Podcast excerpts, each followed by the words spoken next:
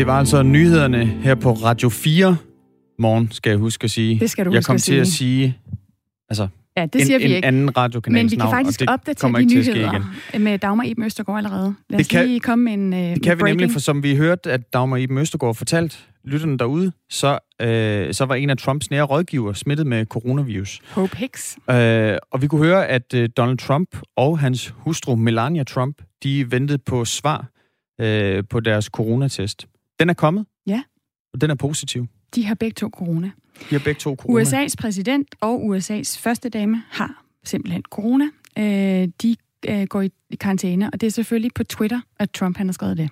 Og det er jo et meget ubelejligt øh, tidspunkt for den amerikanske præsident Donald Trump, der lige nu øh, ser frem mod et præsidentvalg i november, hvor han øh, jo stadig har nogle debatter tilbage med, med Joe Biden, øh, hans, øh, hans konkurrent til præsidentembedet Den demokratiske i, i USA. udfordring.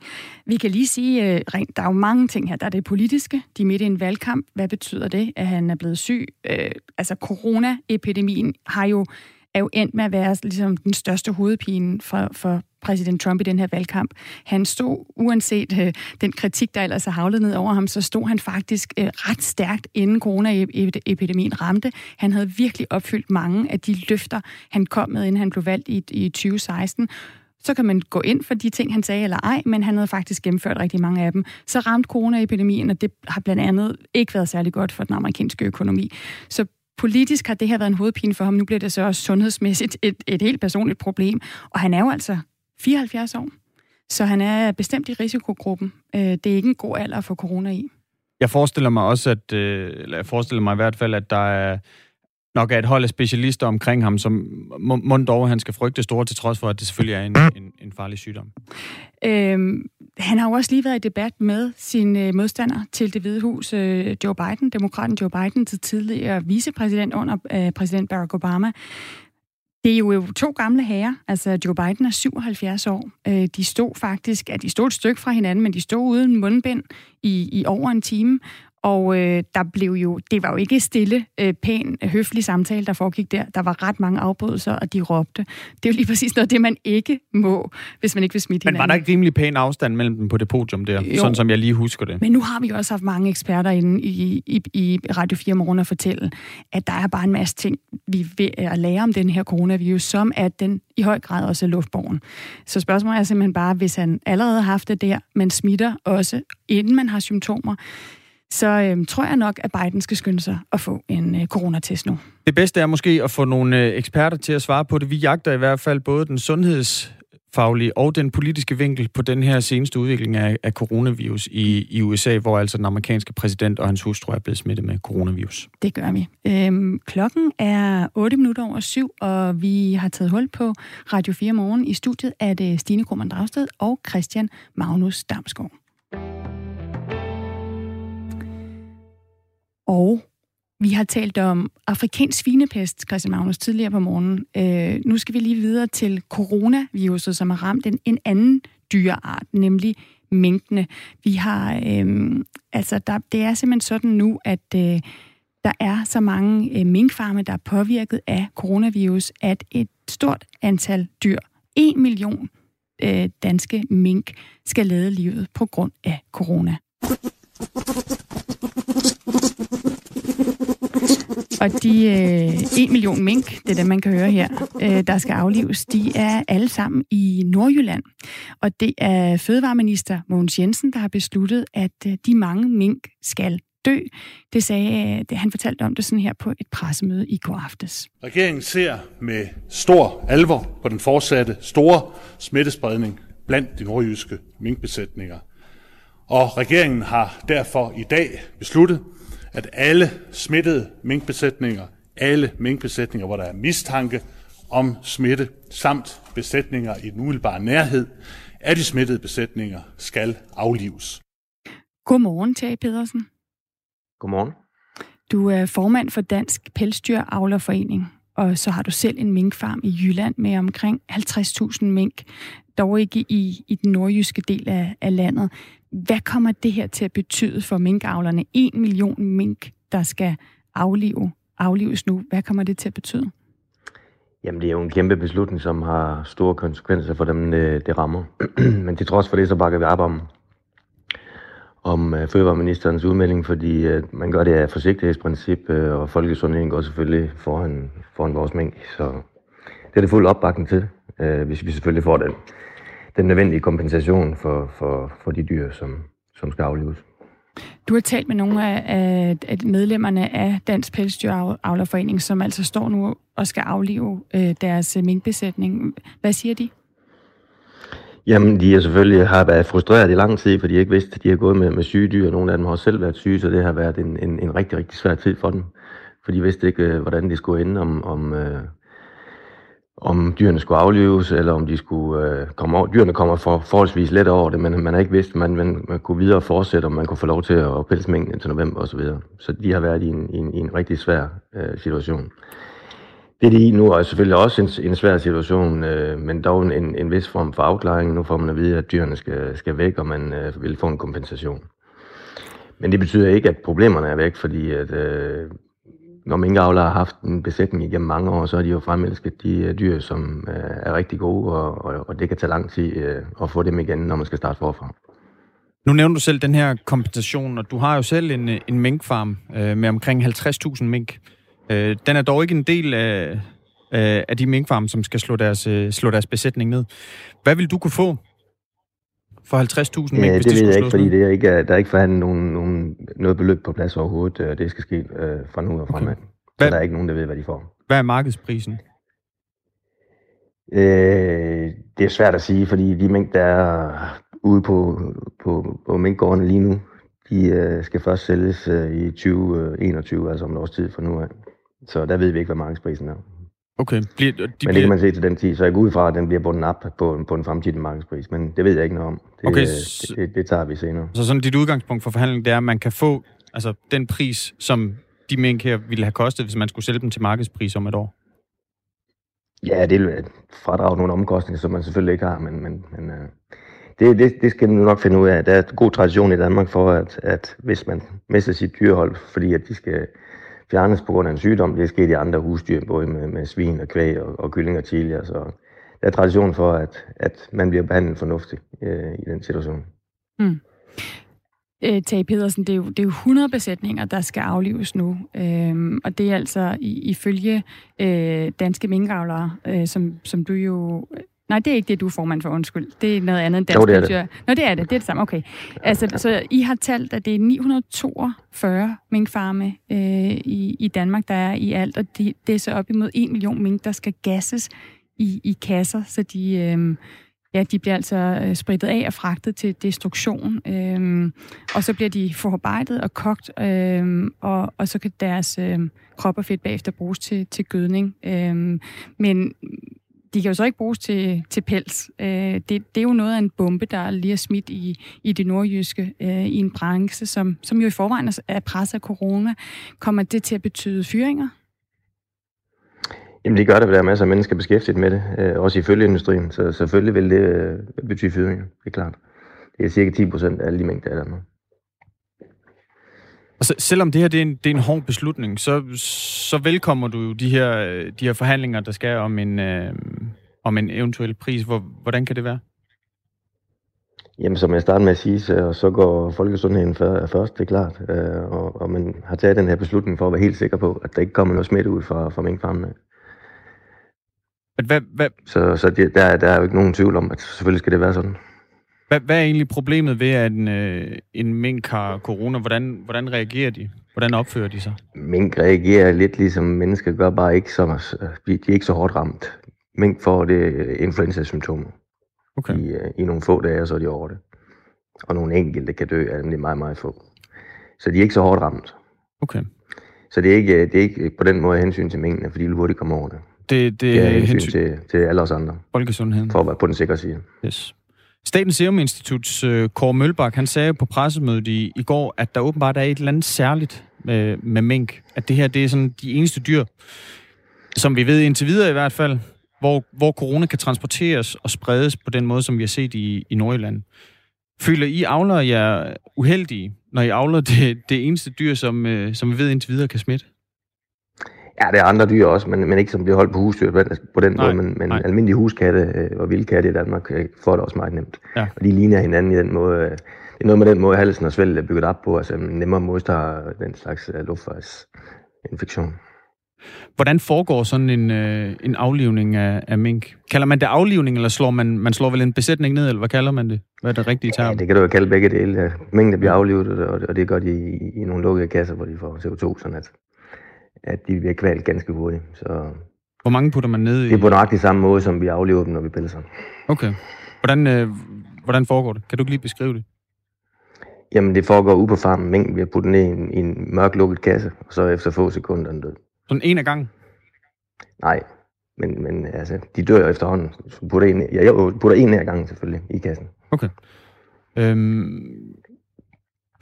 Må jeg lige prøve at spørge dig til sidst, Tage Pedersen? Øhm, der har jo, på grund af de her udbrud af corona, så øhm, er der jo andre lande, for eksempel Holland, der har vedtaget, at samtlige minkfarme i det land skal lukke. Vi har også lande som, som Irland og Estland, der har taget konkrete skridt, øh, der, der bringer dem tæt på et, på et forbud mod pelsfarme. Altså, corona har jo nu vist, øh, at, at farlig smitte, det kan let spredes, når mink holder tæt sammen. Det kan sprede sig til, til os mennesker. Og så er det også vist, at coronaen betyder, at minkavl nu ender som en, en underskudsforretning, i hvert fald for, for de pelsavlere, der skal aflive øh, deres besætning nu. Hvorfor ikke bruge det her som en anledning til at, ja, simpelthen at genoverveje, om minkavl i Danmark overhovedet giver mening? Fordi at vi øh, er et erhverv, som øh, vi er rigtig godt erhverv for Danmark. Vi bidrager til, til, til, til landets økonomi øh, i stor udstrækning. Vi er også en del af den grønne omstilling, fordi at mink er, er et meget grønnere produkt end øh, at lave overtøj af, af olie og plastik. Fordi hvis man bruger mink som beklædning, så kan det holde i en hel generation, nogle gange to generationer. Så det er faktisk den måde, man skal være med til at lave den grønne omstilling i fremtiden på. Så vi, er, vi producerer et rigtig godt produkt, som, som vi er stolte af, og som bidrager til velfærdssamfundet i Danmark på linje med en masse andre produktioner. Tage Pedersen, minkavler og formand for Dansk Pelsdyravlerforening. Tak fordi du var med. Velkommen. Altså øh, om, at øh, ja, en million mink i Danmark øh, nu skal til at aflives. Christian Magnus, nu øh, springer vi lige tilbage til, til den nyhed, vi fik ind. Øh, ja, Nyhederne derfor, sker, mens vi sender. Det gør de nemlig, og derfor så øh, kunne vi jo altså lige for kort tid siden her på Radio 4 Morgen fortælle, at USA's præsident Donald Trump er testet positiv for coronavirus. Og det er hans kone, Melania Trump, også. Øh, de øh, er begge to testet positiv. Det har han sagt på Twitter, Trump, og han har også skrevet, at de nu går i, øh, i karantæne. Godmorgen, Jørgen Brøndal. Godmorgen. Professor og leder ved Center for Amerikanske Studier ved Syddansk Universitet. Hvad kommer den her ja, bombe kan vi vel godt kalde det, til at betyde for den amerikanske valgkamp, altså præsident Trump er syg med corona? Jamen altså, det er da en helt utrolig nyhed, vi øh, får, og det må få kæmpestor indflydelse på valgkampen. Øh, dels fordi vi selvfølgelig ikke ved, hvordan det kommer til at gå med Trump. Han kan jo ikke tage ud og holde rallies nu.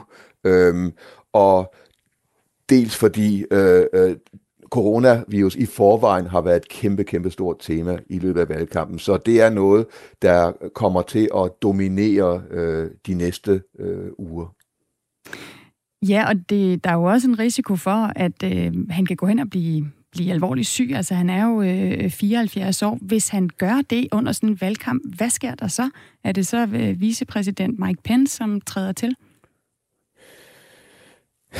Det er et godt spørgsmål, og øhm, i hvert fald, øhm, altså hvis han bliver så syg, at, at, at der er tvivl om, hvorvidt han, han, han kan øh, øh, fortsætte som præsident, så, så, så, så findes der faktisk øh, en forfatningsændring, øh, øh, nummer 25, som går ud på de nødforanstaltninger, man, man, man så kan tage i brug, og så kan man faktisk godt i aller, aller, aller værste fald, altså hvis han er helt ude af stand til at regere øh, på grund af, af sygdom, og, og, eller hvis han ligefrem døde, altså så, så er der nogle, nogle, nogle mekanismer på plads, som ville gøre gøre, at at øh, flertal i begge kammer af kongressen kunne øh, få øh, Mike Pence øh, til at blive den nye præsident. Men altså, det er jo slet ikke der, vi er øh, ude endnu. Vi skal ikke glemme, at i Storbritannien, der øh, klarede Boris Johnson sig igennem en omgang, en omgang corona, selvom han blev indlagt. Og i øh, Brasilien, der fik øh, øh, den lokale præsident øh, Bolsonaro en, en let omgang og, og klarede det fint. Så det er jo slet ikke der, vi er ude endnu. Men potentielt så ja,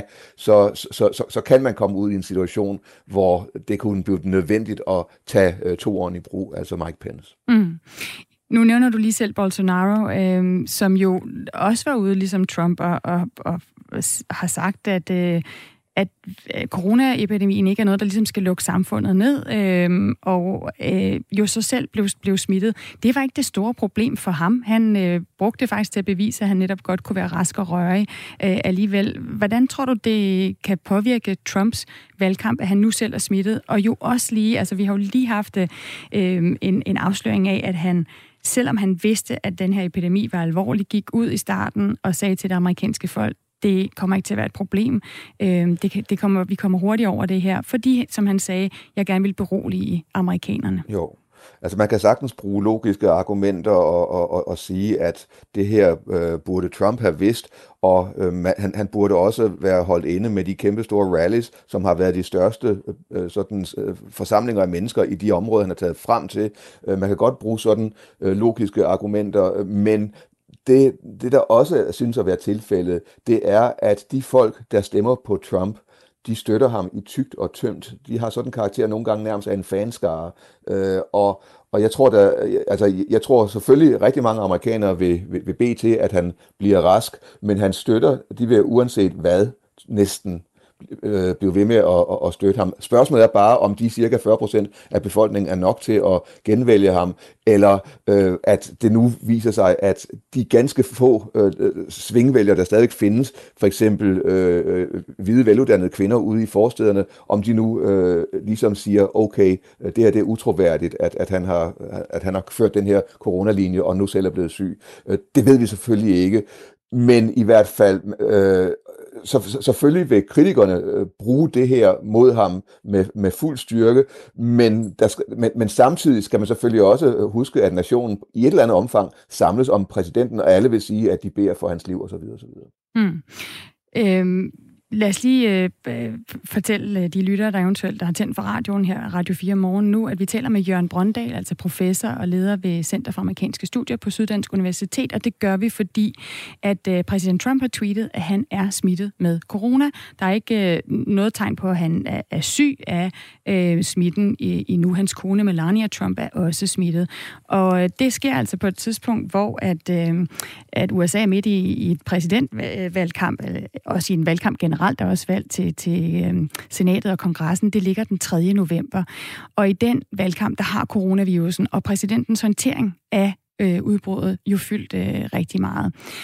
Vi kan også lige fortælle, at øh, præsident Trump har fået coronavirus med stor sandsynlighed fra hans rådgiver Hope Hicks, øh, som øh, altså rejste med præsidenten på øh, Air Force One, blandt andet da han skulle til den her præsidentdebat i Cleveland i Ohio i tirsdags, hvor han jo øh, havde den her lidt øh, kaotiske, kan vi vel mildt kalde det, debat med øh, hans øh, demokratiske modstander Joe Biden.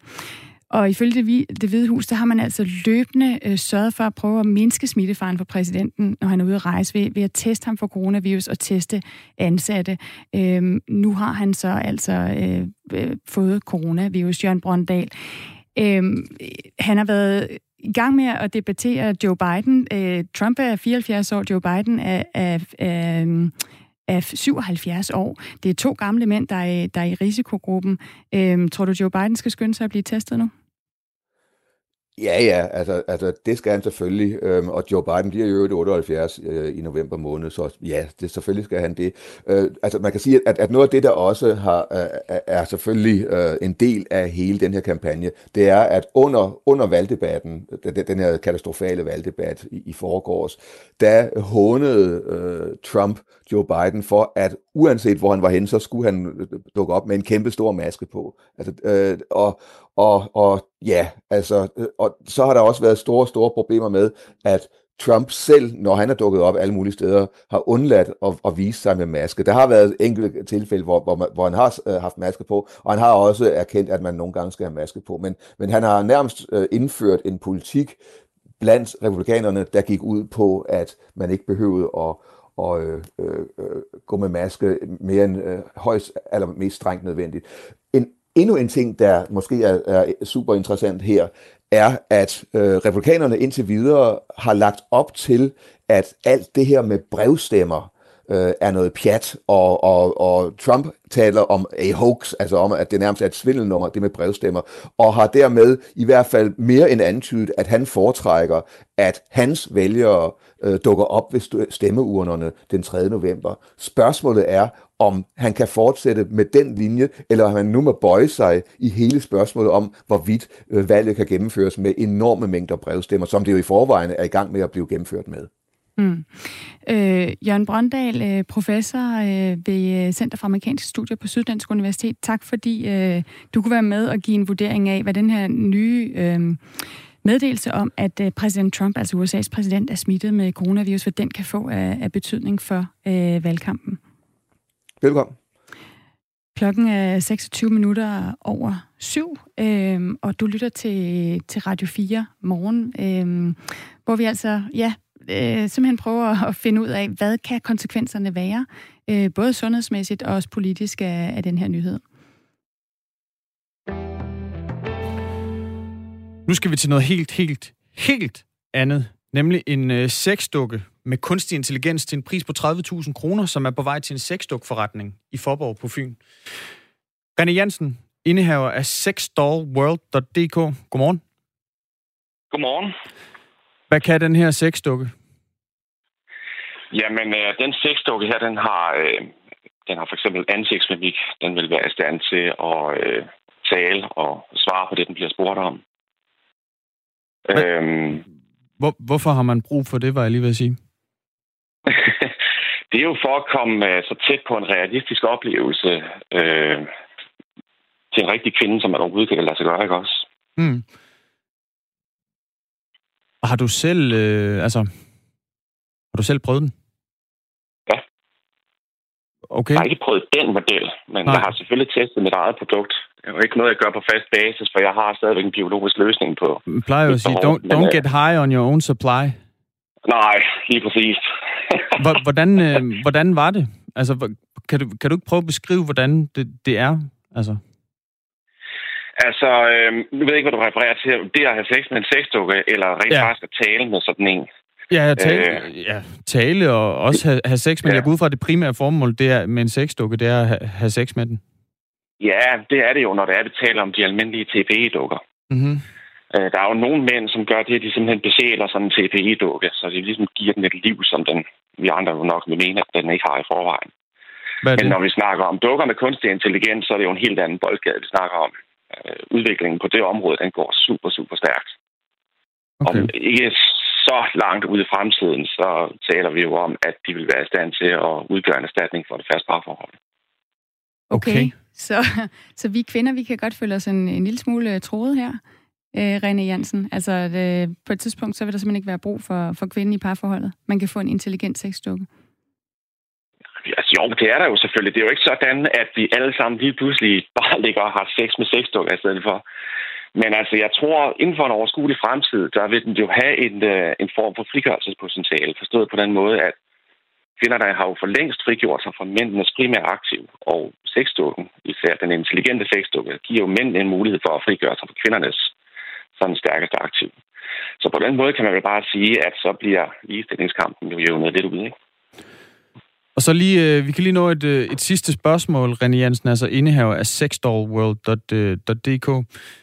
Hvem regner du med, øh, at kunderne er til sådan en, en sexdukke her? Den koster jo trods alt 30.000 kroner. Ja, ud fra dem, som jeg allerede har solgt til, ikke dukker med kunstig intelligens, men de almindelige TPE-dukker, så synes jeg allerede, at jeg kan se sådan et klart mønster.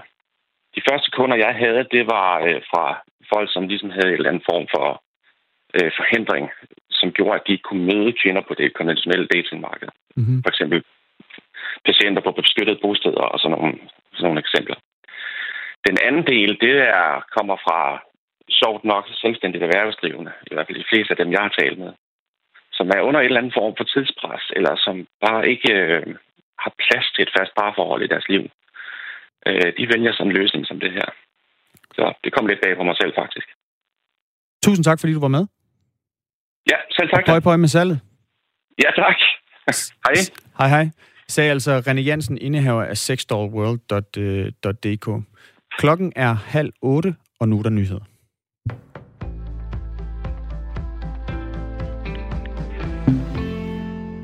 USA's præsident Donald Trump og hans kone Melania Trump er begge testet positiv for coronavirus og går derfor i karantæne, det skriver Trump på Twitter her til morgen dansk tid.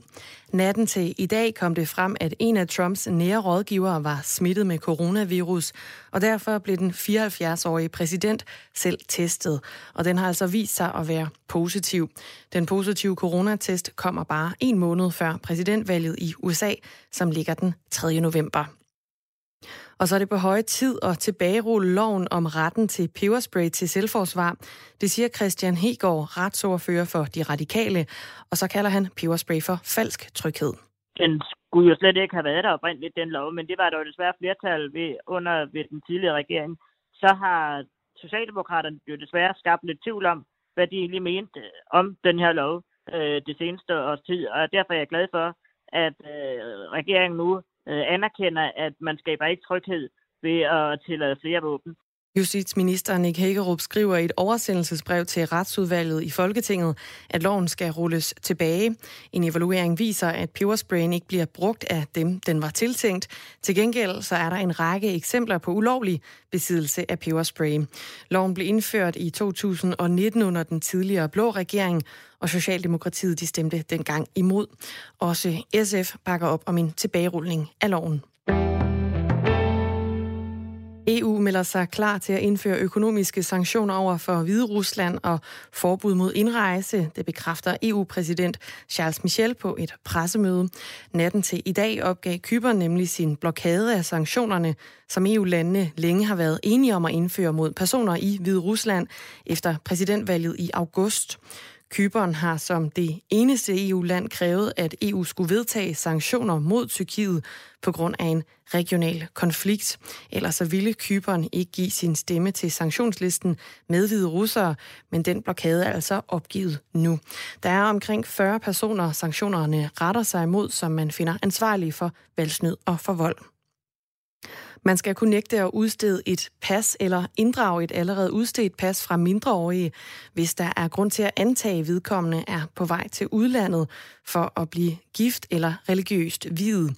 Det sker som led i bekæmpelsen af negativ social kontrol, oplyser Udlændinge- og Integrationsministeriet i en pressemeddelelse. Vi skal sikre kvinder og børn en friere fremtid. De står midt i en frihedskamp, og det er afgørende, at vi tager deres parti og kæmper mod dem, der udviser en brutal adfærd over for kvinder, sådan siger udlændingeminister Mathias Tesfaye. Målet med forbuddet er at forhindre, at mindreårige piger presses af eksempelvis familie til at blive religiøst hvide. Ministeren har ikke nogen tal for, hvor ofte mindreårige bliver videt religiøst. I 2019 var der 45 henvendelser fra mindreårige om tvangsægteskab til redrådgivningen. Der er et landsdækkende tilbud om professionel rådgivning om æresrelaterede konflikter. I alt 146 personer henvendte sig sidste år. Organisationen finder det mest sandsynligt, at de mindreårige rejser til udlandet for at blive gift der, i stedet for her i Danmark. Med det nåede vi frem til en vejrudsigt for i dag. Det bliver mest skyet, og så kommer der perioder med regn. Stedvis kommer der til gengæld også perioder med lidt eller nogen sol. Temperaturerne de lander mellem 15 og 17 graders varme, og vinden den bliver let til frisk, ved kysterne stedvis op til hård vind. Det var nyhederne her på Radio 4. Mit navn er Dagmar Eben Østergaard.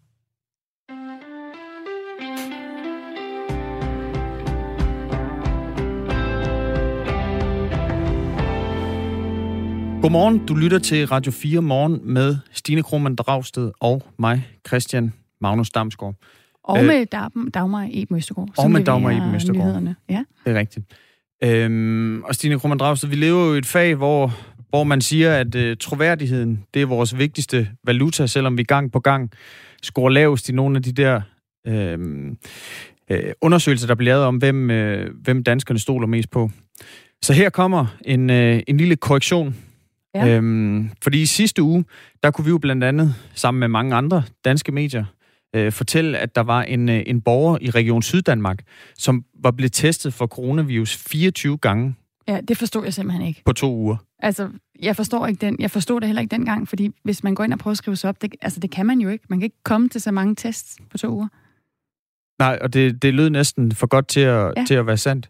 Det var det så også. Okay. Øh, den her person er blevet testet seks gange mm-hmm. på to uger. Mm-hmm.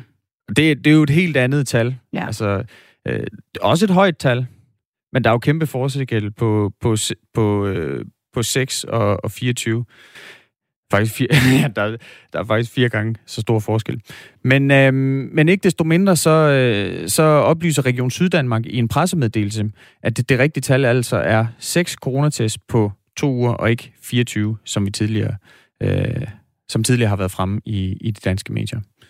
Det er godt med en rettelse, specielt fordi jeg tror, der er en del, der har stået og tænkt, hvordan i alverden kan nogle personer komme så let til, til de her testtelte. Og den, Ja, præcis. Og den her fejl, den opstod altså ved, at øh, de her tests foretaget i Testcenter Danmark, øh, som står for at, at undersøge borgere i de hvide telte, de her hvide telte, hvor man kan komme og blive testet, mm. øh, der er man simpelthen bare kommet til at indrapportere for mange. Okay, så det er ikke en person, der ved at påstå, Nej. Jeg har taget 24 test. Det er, der er sket en fejl igen. Der var en, en lille mus i serveren ja. inde hos Testcenter Danmark. Altså hermed korrigeret.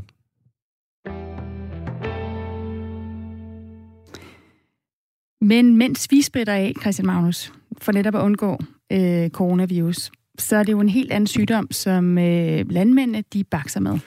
Ja, for der er nemlig 37 døde vildsvin i det østlige Tyskland, øh, som i løbet af september måned har givet dybe, dybe panderunker hos de danske landmænd. Den afrikanske svinepest, den er nemlig lige nu tættere på Danmark, end den nogensinde har været før. Godmorgen, Jeppe Blok Nielsen. Godmorgen. Du er næstformand for Danske Svineproducenter, og så er du landmand med 1800 søer i stallen og en årlig produktion på 62.000 svin.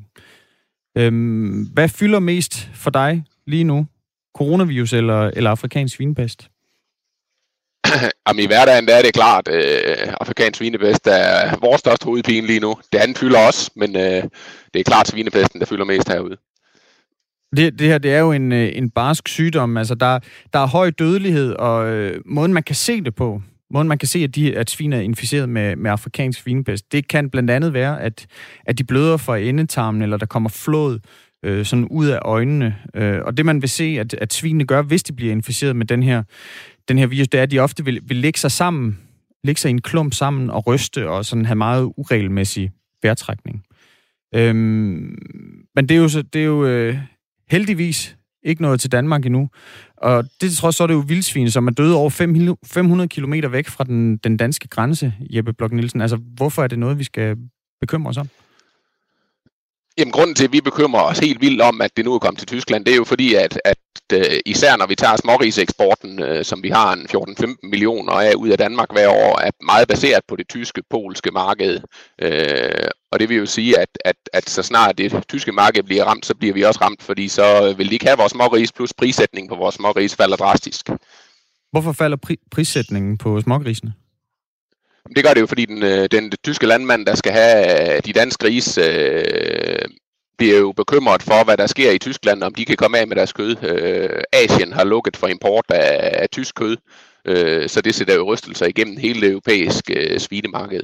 Men kan I så ikke bare, altså hvis, øh, hvis mange store aftager af, af smågris og, og grisekød har lukket for import af tysk svinekød, hvorfor er det så ikke godt for, for de danske svineavlere? Altså, de kan, så, så er der jo nogle, øh, nogle markeder, I kan eksportere til, eller hvad? Jo, jo det er rigtigt, men, men øh, vi, altså, når vi tager på slagterisiden i Danmark, så eksporterer vi jo alt det, der overhovedet er muligt til Asien. Øh, alt det, der kan indefryses, det går til Asien. Øh, der er stadigvæk nogle produkter, som øh, går via Tyskland og bliver forarbejdet, og så, bliver det jo, så kan det jo ikke gå til, til Asien den vej. Øh, og det kan man jo også se i, i det, vi har set nu i det marked her, det er jo, at øh, slagsvinene er ikke faldet øh, så meget i pris øh, i forhold til vores øh, smågris, så det er klart smågriseproducenten, der er hårdest ramt øh, pt. Vi kan lige slå fast, at øh, den afrikanske svinepest, den er ufarlig for, for mennesker, men den er altså dødelig for, for svin og, og vildsvin. Og sygdommen var i sin tid grunden til, at det famøse vildsvinehegn, der løber knap 70 km langs den dansk-tyske grænse, det blev sat op. Afrikansk svinepest, det er indtil videre blevet fundet i delstaten øh, Brandenburg i det østlige Tyskland. Øh, det er siden midten af september, man har haft det der, og det er altså i alt øh, 37 vildsvin, der er fundet med afrikansk svinepest. Og det seneste tilfælde, det, det blev konstateret i, i forgårs. Og de her døde vildsvin, de har jo så resulteret i, at både øh, Kina, Japan og Sydkorea har, har lukket for al uh, øh, import af, af tysk svin. Og udover det vildsvinehegn her, så har myndighederne jo også givet jæger tilladelse til at skyde vildsvin nede i området om, omkring øh, grænsen til, til Tyskland. Og så bliver alle svinetransporter, de bliver vasket grundigt i vaskehaller ved grænsen, og lastbilchauffører kan oven i købet få, få en dansk madpakke med, når det lige er op at vende. Så, og så er der advarselstavler på 32 restepladser i, i det sydlige Danmark, hvor der syv, på syv forskellige sprog bliver advaret mod ikke at smide, smide madaffald i naturen. Jeppe Blok Nielsen, med alle de tiltag og forholdsregler, vi tager os her i Danmark, bør du og dine kolleger så ikke øh, kunne sove trygt om natten? Jo, men altså, øh, det, det tror jeg da godt, vi kan. Jeg tror, der er mange af os, der i hvert fald tror på, at vi gør så meget i Danmark, så vi ikke får vildsvinepest til Danmark. Altså, den største risiko er som sagt de her vildsvin, og det er hammerne godt, vi har fået rejst det hegn, og så fået øh, reduceret øh, vildsvinebestanden i Danmark til ganske få individer, der er tilbage, fordi det er essentielle i, at det ikke kommer til Danmark, tror jeg. Men grunden til, at vi stadigvæk er nervøse, er jo stadigvæk, at vi, vi ved jo ikke, hvor hårdt vi bliver ramt af det tyske marked. Øh, vi ved jo ikke, om den tyske landmand siger, hmm, nu lukker vi vores stalle, fordi det her det, det, det bliver for omkostningsbetonet øh, og for risikofyldt, øh, og så aftager de jo ikke vores grise, og så vil det jo give et kæmpe problem for os øh, danske landmænd også. Men kan, kan I ikke udnytte det? Altså som vi talte om lige før, altså hvis, hvis nu der bliver fuldstændig lukket for import af, af tysk svinekød, så kan de vel bare... Øh, så kan I vel bare fylde det tomrum, som på, på, på, på, på, på slagterisiden, der, der, der, der, der, der kan vi jo sagtens på, på de slagsvin, vi laver, øh, der, så vidt jeg har hørt, det er, at begrænsningen, det er, hvor meget kan indefryses i Danmark sendes til, til, til Asien. Mm-hmm. Øh, og det bliver også udnyttet til fulde. Men vi skal stadigvæk huske, at vi har en, et sted mellem 14 og 15 millioner småris, som går over grænsen hvert år. Øh, og dem kan vi jo ikke bare lige lukke ned i morgen jo. Hvilke konsekvenser har det, har det konkret haft for dig, det her? Jamen altså, øh, konsekvensen, øh, da det, det nu kom der for nogle uger siden jo, altså i, i vores bedrift, der kostede det cirka 125.000 om ugen i omsætningen. Så det har store konsekvenser for os. Okay. Er der nogen øh, bund, bund i, eller hvor langt forventer du, det, det kan falde? Jamen, jeg håber, jeg håber ikke, øh, vi ser, at det falder mere. Nu så vi i går, at smågriseprisen den stiger 10 øh, kroner til i næste uge. Det har jeg i hvert fald ikke forventet, det gjorde jo. Så det kan man jo håbe om, at det er et marked, der er ved at stabilisere sig på et, godt nok på et lavere grundlag, men, øh, men, men jeg tror egentlig, at de fleste landmænd, de, det de er mest nervøse for, det er, at de ikke kan komme af med deres grise, fordi øh, det er svært at sætte nye grise ind i en stald, man ikke kan få tømt. Er du i stallen lige nu? Ja, jeg er i stallen lige nu. Og jeg synes, jeg synes nok, at jeg kunne høre dig i, i baggrunden. tusind, uh, tusind tak, fordi du var med, Jeppe Blok Nielsen. Velkommen. Altså landmand og næstformand for Danske Svineproducenter. Vi har en, øh, en del historie om, hvad, hvad de her sygdomme betyder, både for, for svin, måske i Danmark, og allerede har betydet altså corona for, for mink i dag. Christian Magnus, det er lige, og der er mange, øh, mange sygdomme og smitteting, som øh, holder landmænd og øh, pelsdyravlere øh, bekymrede. Og der er også øh, lyttere, der skriver ind til os på den her historie. Øh, husk, at det er I velkommen til. Øh, skriv ind på, på 1424, start jeres besked med, øh, med R4. Øh, Jens han skriver ind, øh, dyrevelfærd spiller ikke nogen som helst rolle, når det kommer til svinepest. Det eneste, du hører svineproducenterne, er, at eksporten er i fare. Tankevækkende, at penge kommer før dyrenes ved og vel. Og det, øh, det er jo i hvert fald en, øh, en debat, som måske handler om noget lidt andet end svinepest, men som er, som er op i tiden. Øh, med, nogle, med nogle partier, øh, blandt andet Veganerpartiet, der prøver at komme ind, som, som jo meget gerne vil have, at vi stopper for eksempel svineproduktion. Ja, de vil i hvert fald... Jeg, jeg er lidt i tvivl om, hvorvidt det vil stoppe svineproduktion, men det vil i hvert fald nedlægge alt konventionelt landbrug, sådan ja. som jeg har forstået det. Øhm, men altså,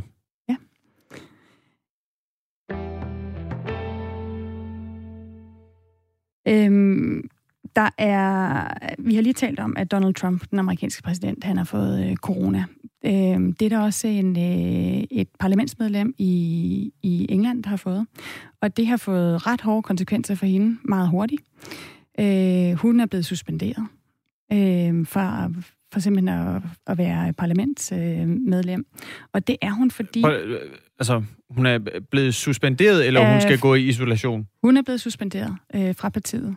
Øh, det er, er udelukkende, fordi hun har fået coronavirus? Ja, men jo ikke udelukkende derfor, for, fordi øh, hun opførte sig på en bestemt måde på et tidspunkt, hvor hun vidste, at hun måske havde coronavirus. Jeg fornemmer, at der kommer noget nu, Stine Krohmann Dragsted. Du ved noget, jeg ikke ved. Ja.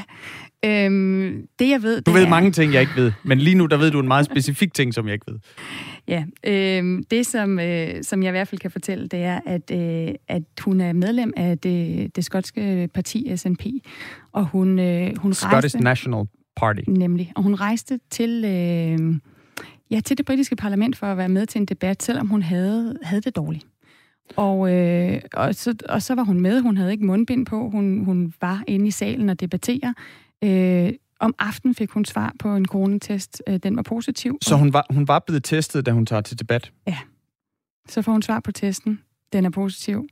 Så tager hun toget tilbage igen. Og øh, der ved hun jo altså, at hun er smittet. Og det er der, at hammeren falder. Øh, for det, det synes man, øh, at det er jo simpelthen ikke godt. Hun har udsat folk for fare. Hun har vidst, hun var smittet, og hun tog toget tilbage. Og det, jeg egentlig bare gerne vil sætte spørgsmålstegn, det er, om det samme vil ske i Danmark. Fordi så vidt jeg ved, så er det faktisk sådan, at hvis du er smittet med corona, så må du stadigvæk godt i nogle tilfælde tage offentlig transport. Hvad skal man ellers gøre, hvis man er, er smittet, og man har fået at vide, at man, skal, øh, altså man har symptomer, man tror, man er smittet, man skal hen og testes? Ja. Altså, hvad skulle, hvad skulle hun have gjort, da hun skulle hjem, andet end at tage toget, og så prøve at holde afstand og have mundbind på? Og det var alligevel lidt af en rejse fra, fra Skotland til, ja. til London. Ja. Altså, man kan, vel ikke, man kan jo heller ikke tage et fly. Nej, jeg, jeg ved ikke helt. Altså, når man står der og har fået det her svar. Lejebil. Lejebil, der var ja. den. Det var nok det, hun skulle have gjort. Der var den.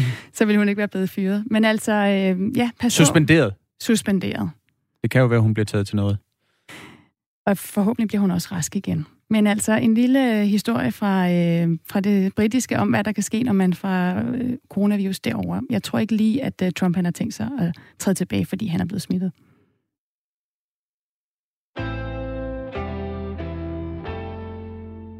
Skal du pa- passe på, øh, hvad du siger, Stine Krummer Dragsted. Der er allerede flere lyttere, som har kommenteret, at vi to, vi bare, øh, vi bare hader Trump, og øh, man kan tydeligt høre, det skinner igennem vores dækning af amerikansk politik.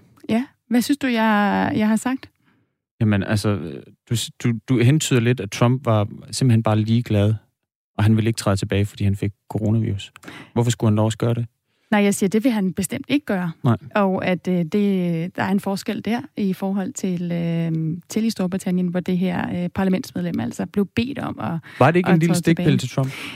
Ja, det må lytterne jo selv vurdere. Jeg har jo blandt andet også øh, øh, sagt, at øh, Trump stod enormt stærkt øh, op til præsidentvalget, fordi han har opfyldt mange af de løfter, han kom med, inden at øh, coronavirusen den ramte.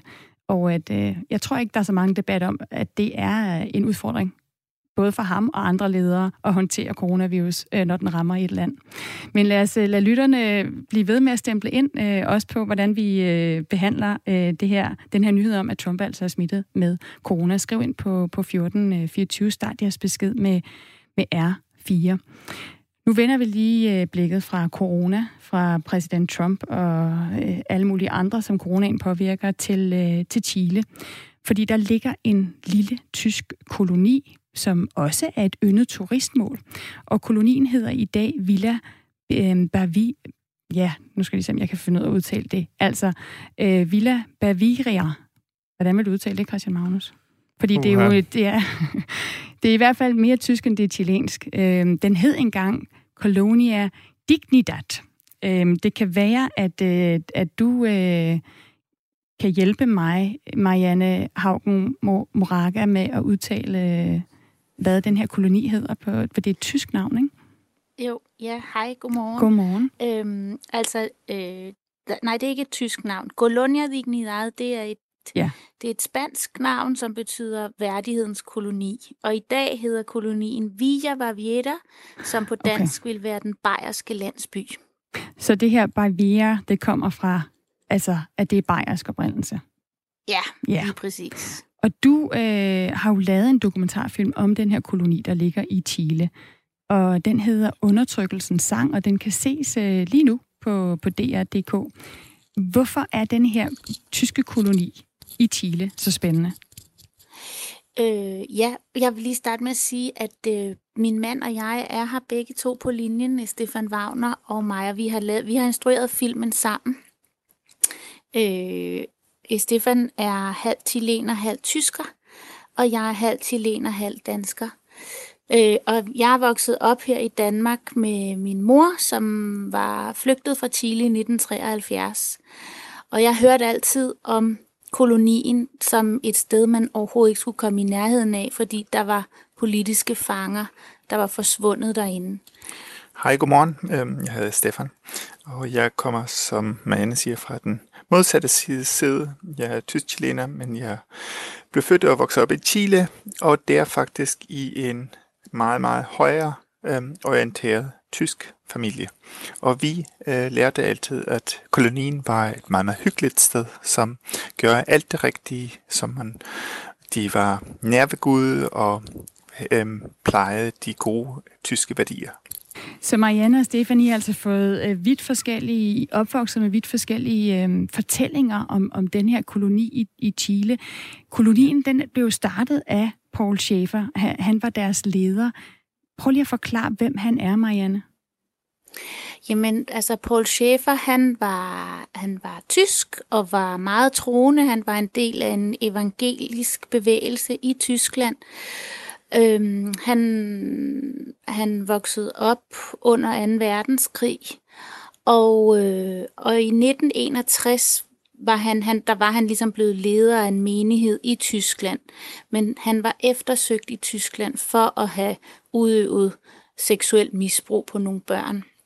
Så han fik ligesom, hvad skal man sige, forført hans menighedsgruppe til at flytte et andet sted hen for at redde og hjælpe fattige mennesker i et andet område af verden.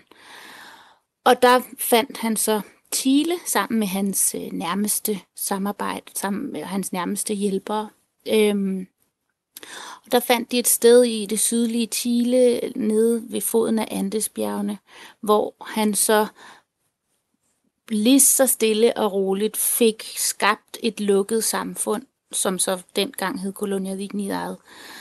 Og hvor han var, han var, han var den ypperste leder af det sted. Og, øhm, og han havde ligesom forbindelsen til Gud. Og der fik han så skabt et, et totalt undertrykkende system, et totalt system, kan man sige, hvor han, øhm, hvor at alle udspionerede hinanden, hvor der blev, hvor der foregik vold, og han misbrugte alle drenge seksuelt, helt systematisk. Kvinderne blev anset som andenrangsborgere. Og samtidig samarbejdede han med den chilenske regering. Og under diktaturet fik han opbygget et enormt stærkt samarbejde med det chilenske diktatur, med militæret, og fik lavet torturkammer inde i kolonien, hvor han, hvor han så hjalp til ham og hans nærmeste hjælp med at torturere politiske fanger. Hmm. Må, må jeg lige prøve at spørge øh, din mand så, øh, mm. Stefan øh, Wagner, ja. hvordan du siger, at du voksede op med en fortælling om, at, øh, at den her koloni, som vel på dansk så kan oversættes til øh, værdighedens øh, koloni, ja. ikke? Øh, at, at det var sådan et, et ordentligt sted, hvor tingene foregik ja. på den rigtige måde. Og nu hører vi Marianne fortælle om, om, om en mand, der har lavet en et samfund, et minisamfund, som, hvor der var vold og pædofili, øh, kvindeundertrykkelse ja. og tortur. Ja. Prøv lige at fortælle, ja. hvordan de to øh, ting kunne hænge sammen. Ja, det er faktisk super interessant, og det er jo fordi, øh, ligesom rigtig mange andre øh, systemer, var de rigtig gode til at lave en facade, som ydervendt øh, så rigtig, rigtig pænt ud. Øh, de var meget troende, Øh, de byggede et stort orkester op øhm, og øhm, var rigtig gode til at synge salmer. Og alt det overbeviste omverdenen om, at de var rigtig gode kristne. Øhm, og det kan jeg bruge til at fortælle videre, at nu i dag, hvor lederen efter nogle år, øh, eller for nogle år siden blev han anholdt og døde så i fængsel. Det her samfund eksisterede som lukket samfund i 45 år. Det skal man bare forestille 45 år. Men nu i dag, øh, hvor de har øh, er kommet af med deres slæder og bliver nødt til at åbne op, så kom de op med en idé, som var, hvordan overbeviser vi nu verden, at vi er rigtig gode. Og så øh, øh døbte de øh, stedet som et nyt navn, som er den bayerske landsby, og forvandlede stedet til en turistattraktion. Og øhm, det er hvad, svært hvad at forestille sig. Hvad er attraktionen nu? Altså, hvad siger ja. de, attraktionen er? Jamen, det er simpelthen... og massegrave? Nej, nej, nej, det er det nemlig ikke. Det er igen øh, en facade, og de er rigtig gode til at bygge facader op. Øh, det attraktive der er, at det er et meget, meget smukt naturområde. Man kan komme og gå på, på hiking tours, man kan øh, spise god tysk mad og drikke øl, og øh, altså, og folk er sådan set, altså dem der kommer der, de er simpelthen ligeglade med fortiden. Og ikke, ikke nødvendigvis kun ligeglade, nogen interesserer sig også for det.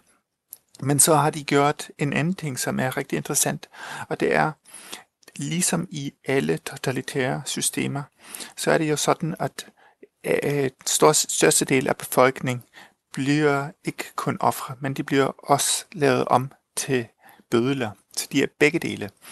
Men i den nye facade, de har, øh, den hedder sådan, at Schäfer var den eneste ånde, og alle, som var under ham, var hans ofre. Så nu kan de bare spille den der offerrolle, og alle har ondt for det. De har jo ikke været nogen, der... Det er, jo, det er jo en gruppe, som har været svære at få i tale. De har jo også ikke, ikke måttet tale med øh, befolkningen omkring dem i lang tid, og nu er der så åbnet op, og I har lavet den her dokumentar. Hvad, er det, hvad var det, I gerne ville vise øh, om... Det er jo flere generationer, der lever sammen. Forældre, der, der har udført og gjort mange af de ting, som Paul Schaefer ligesom sagde, de skulle gøre, og deres børn, som jo også noget, noget af den her, øh, det her misbrug er gået ud over. Hvad, hvad er det, I har vist med den dokumentar om dem? Jamen, det vi gerne har ville undersøge med den her dokumentar, det er, hvordan øh, totalitære systemer og bliver gentaget i posttotalitære samfund. Vi, det vi ligesom kunne se, at, at kolonien var et mikrokosmos for, det var et system, der på en eller anden måde ikke er blevet løsnet op. Et system, hvor der ikke har været hjælp til at kunne skabe en ordentlig dialog, til at få lavet en, en forsoningsproces, hvor at folk kan bearbejde deres egne traumer, men også deres kollektive traumer. Så det er faktisk det, vi har ville med den her film, det er at vise de nuancerne, der er i posttotalitære systemer, hvor der ikke er blevet bear, hvor, Men, hvor der ligesom ikke er blevet bearbejdet. Så vil det sige, at nogle af de her børn ikke kan tale åbent om, at de er blevet misbrugt, men stadigvæk lever sammen med deres forældre nu? Ja, de, de, de lever sådan set ikke direkte med deres forældre, men, men, men i den samme samfund, ikke? i det samme slags landsby. Mm. Øhm, de, altså, de vil kunne tale om det. Det er ikke sådan, at det bliver øhm, sådan ekstremt censureret. Men det er meget, meget svært for dem, for, fordi gruppedynamikken bare gør, at, at man snakker ikke om, om det, som, som er sket. Og det har igen at gøre med den her facade, som, som jeg nævner, og som vi synes er, er ekstremt relevant. Og det er, at øhm, når, når man bygger en facade op, om er alt er godt, og som man er så kristen, at man har lært øh, dybt ind i sig, at man skal underordne sig. så, så, lader så, så, så siger man ikke de ting. Altså det, det, det, så underminerer man jo den facade. Altså mm. man, man, man vælger så at huske det smukke og det gode. Og det var sikkert også øh, smukke og gode øh, brækker i den der store puslespil, som det nu er i alle systemer. Altså, og det er også noget, vi, vi kigger meget eller i skabelsesprocessen har vi kigget rigtig meget på, hvordan øhm, er, har været andre, eller er stadigvæk andre totalitære systemer. Øhm, og der kan man kigge på store lande også. Man kan kigge på Sovjetunionen eller på Nordkorea og rigtig mange andre. Og så kigger vi på, jamen, og hvordan udvikler, udvikler det sig videre, når totalitære systemer bryder sammen. og der opstår et posttotalitært system. Mm. Øhm, og, og det kan man ja virkelig godt se i, i, i Rusland for eksempel, hvor, hvor datidens traumer ikke er blevet oparbejdet. Man kan altså se øh, jeres øh, dokumentarfilm om denne her koloni i Chile øh, på øh, DR.dk lige nu. Tusind tak for at være med, øh, Marianne øh, Haugen Moraga, som jeg sikkert ikke udtaler rigtigt, undskyld. og, så, øh, og også øh, Stefan Wagner. Tusind tak. Øhm, ja, øh, og som vi lige kunne høre, så altså en, en dokumentar, som, som øh, skaberne bag den også mener kan sige noget om andre totalitære systemer i dag. Klokken er ved at være 8, og det betyder, at der er nyheder. Efter nyhederne, så skal vi tale om både Mink og Donald Trump.